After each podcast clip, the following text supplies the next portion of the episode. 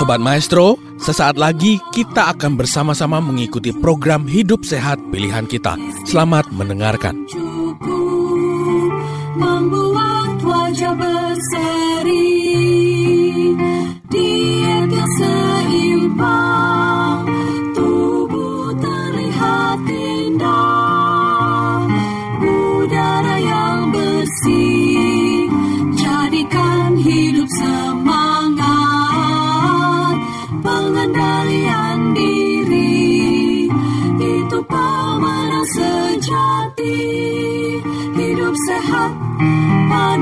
Tuhan hidup sehat sangat berharga sepuluh hukum kesehatan hidup sehat Gejala untuk fibrilasi atrium diungkapkan dengan berbagai eh, deskripsi dari berbagai orang berbeda-beda. Dari literatur luar ada yang menyebutkan seperti ada gemuruh genderang di dada atau seperti ada eh, petir ya, petir di dada atau seperti ada ikan yang menggeliat-menggeliat di dada. Jadi bisa sangat-sangat subjektif dan bisa dideskripsikan dengan berbagai eh, berbagai gambaran yang berbeda antara satu pasien dengan pasien lainnya.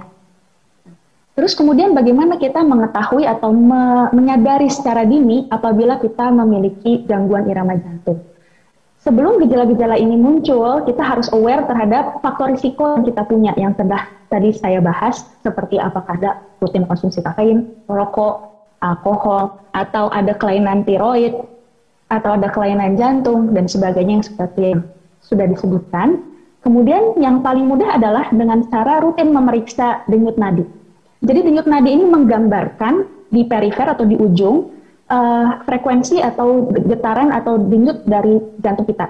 Jadi cara paling mudah adalah memeriksa di lengan dengan menggunakan 2 sampai 3 jari diletakkan seperti pada gambar. Kemudian eh, biasanya jari telunjuk itu menjadi patokan yang merasakan denyutannya tuh jari tengah. Kemudian Anda bisa hitung apabila denyut nadinya ini reguler, reguler yang saya maksud adalah teratur. Maka Anda cukup menghitung selama 5 detik. Kemudian dikalikan 12 sehingga akan mendapatkan laju denyut nadi per menit. Tapi kalau tidak teratur, maka Anda harus hitung lebih panjang waktunya, sekitar 15 detik atau bisa sampai satu menit full dihitung berapa kali dentuman yang Anda rasakan. Yang baik adalah denyut nadi yang teratur, eh, berirama, seirama, dup, dup, dup, dan selanjutnya. Kemudian kisarannya adalah dengan laju 60 sampai 100 kali per menit saat istirahat. Jadi eh, jangan sampai salah paham. Misalnya Anda habis naik tangga atau habis berolahraga atau habis stres ya, emosi misalnya marah-marah. Nah, Anda ukur nadinya cepat, nah itu wajar. Karena respon adaptif dari tubuh kita adalah saat kita membutuhkan eh, tenaga yang lebih banyak, misalnya seperti habis olahraga, otomatis denyut jantung akan lebih cepat. Sebaliknya, kalau Anda sedang tidur atau Anda atlet yang sering rutin olahraga, olahraganya baik, eh, fitness kelasnya bagus, biasanya bisa lebih rendah dari 60, bisa sampai 50 sampai 60. Karena dengan denyutan yang lebih kecil, jantung sudah cukup memadai untuk memompa darah sesuai dengan yang dibutuhkan tubuh saat istirahat. Jadi ini adalah patokan kasar pada orang normal, 60 sampai 100 kali per menit saat istirahat. Nah, kemudian masalah teratur dan tidak teratur itu bisa digambarkan dari grafik ini. Kalau misalnya kita lihat spike atau puncaknya ini harusnya seperti ini dengan eh, jarak yang sama. Jadi de- di jarak yang sama teratur. Tapi kalau irregular atau tidak teratur itu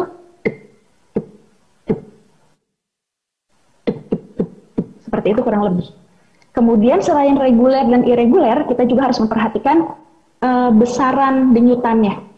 Yang baik ya denyutannya terasa sama, equal semuanya, sama eh, besaran pulse-nya.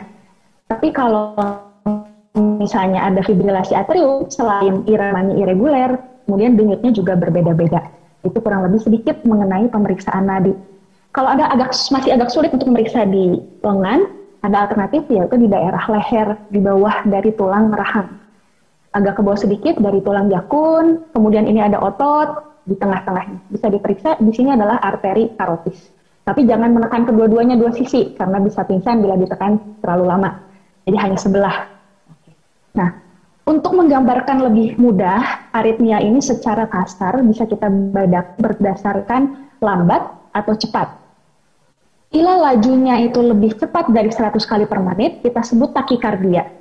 Jadi uh, iramanya lebih dari 100 kali per menit. Dan macam-macam takikardia ini macam-macam lagi sebetulnya. Tapi simpelnya seperti itu. Apabila Anda periksa saat istirahat lebih dari 100 kali per menit, takikardia. Kalau diperiksa lebih kurang dari bradikard, uh, kurang dari 60 kali per menit, maka bradikardi.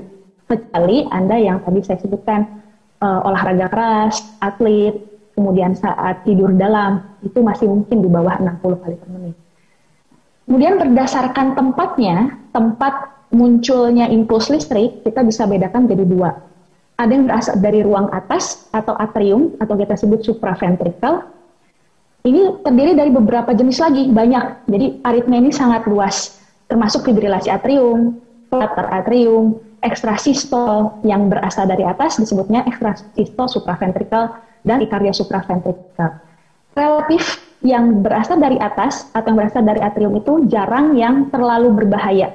Dalam arti jarang yang menimbulkan kematian jantung mendadak, Kemudian jarang juga bebannya menyebabkan uh, bengkak atau gagal jantung. Tapi berbeda halnya apabila sumbernya berasal dari bawah atau dari bilik. Nah, yang berasal dari ruang bawah atau ventrikel ini dari gambaran EKG biasanya rumput yang tadi itu lebar-lebar. Kemudian uh, terdiri dari beberapa jenis juga, banyak. Contohnya ada extrasystole ventricle dan tachycardia ventricle. Di mana cenderung yang dari bawah biasanya lebih maligna atau lebih ganas atau lebih berbahaya karena dia bisa menyebabkan henti jantung mendadak atau cardiac arrest. Kemudian ekstrasistol yang berasal dari ventricle berbeda dengan yang dari supraventricle. Karena yang berasal dari ventricle, apabila jumlahnya banyak, lebih dari 10%, dia bisa mencetuskan uh, pembengkakan jantung atau gagal jantung. Sehingga sangat penting untuk membedakan apakah dia berasal dari ruang atas atau ruang bawah. Bagaimana cara mendiagnosis uh, dari kelainan irama jantung? Yang paling mudah adalah rekam jantung atau EKG. Namun rekam jantung ini memiliki ada beberapa keterbatasan karena kejadian aritmia atau kejadian e, gangguan irama ini hanya sebentar-sebentar biasanya, tidak terus-menerus kecuali beberapa jenis tertentu. Jadi pada saat ada keluhan, kalau kita rekam saat itu, biasanya kan EKG hanya 6 detik saat di EKG. Dia hanya merekam yang saat 6 detik itu. Apabila tidak ada gangguan irama yang muncul saat perekaman EKG, maka EKG-nya bisa normal saja untuk iramanya. Dan kita agak sulit mendeteksi jenis kelainan iramanya apa. Kecuali pada saat Bapak atau Ibu di EKG memang sedang muncul keluhannya dan terekam jenis gangguan iramanya. Itu mungkin cukup membantu dokter untuk bisa mengetahui jenisnya. Tapi kalau misalnya tidak terekam, maka ada yang disebut Holter monitoring. Holter monitoring ini pada prinsipnya merekam EKG, cuman kalau EKG itu kan gas uh, lead, jadi disadap dari berbagai dinding. Tapi kalau untuk Holter ini cukup tiga dinding, jadi dipasang 4 sampai 5 lead dan dipasang uh, alat seperti sebesar handphone, dikalungin, dipasang di rumah sakit, kemudian dibawa pulang, Anda aktivitas seperti biasa, makan, uh, tidur, aktivitas olahraga, pokoknya ditempel. Dan selama 24 jam, aktivitas jantung atau aktivitas listrik muan akan terekam dan bisa kita uh, retrieve, bisa kita ambil datanya dan untuk dianalisis. Keuntungan dari Holter monitoring ini kita bisa mengetahui jenis dari gangguan irama yang terjadi apa, kemudian beratnya, jadi berapa persen dibandingkan uh, denyut jantung yang normal. Jadi misalnya kalau ada ekstrakasistol atau ada kelainan irama, berapa persen dari 24 jam ini dia terjadi karena itu berpengaruh terhadap jenis terapi atau tata laksana yang perlu kita lakukan. Nah, untuk Holter monitoring dia juga bisa membedakan uh, gangguan irama yang berbahaya dan tidak berbahaya. Kemudian di, karena diikuti lebih panjang selama 24 jam, jadi kemungkinan untuk menangkap gangguan irama panjang lebih, lebih besar daripada EKG atau rekam jantung yang hanya 6 detik. Kalau dalam 24 jam tidak ter terekam juga gangguan irama tersebut, Holter ini bisa dimodifikasi lebih panjang sampai dengan tiga hari atau tujuh hari dengan alatnya khusus. Jadi bisa disebut dan dipasang kalau misalnya nanti itu kurang.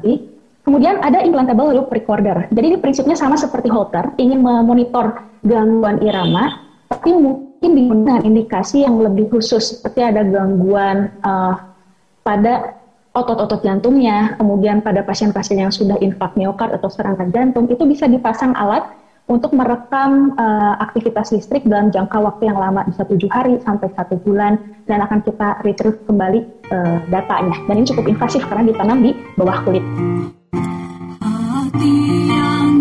Sobat Maestro, Anda baru saja mendengarkan program Hidup Sehat Pilihan Kita. Terima kasih atas kebersamaan Anda.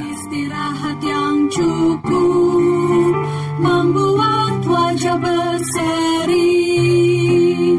Diet yang seimbang, tubuh terlihat indah, udara yang bersih, jadikan hidup semangat,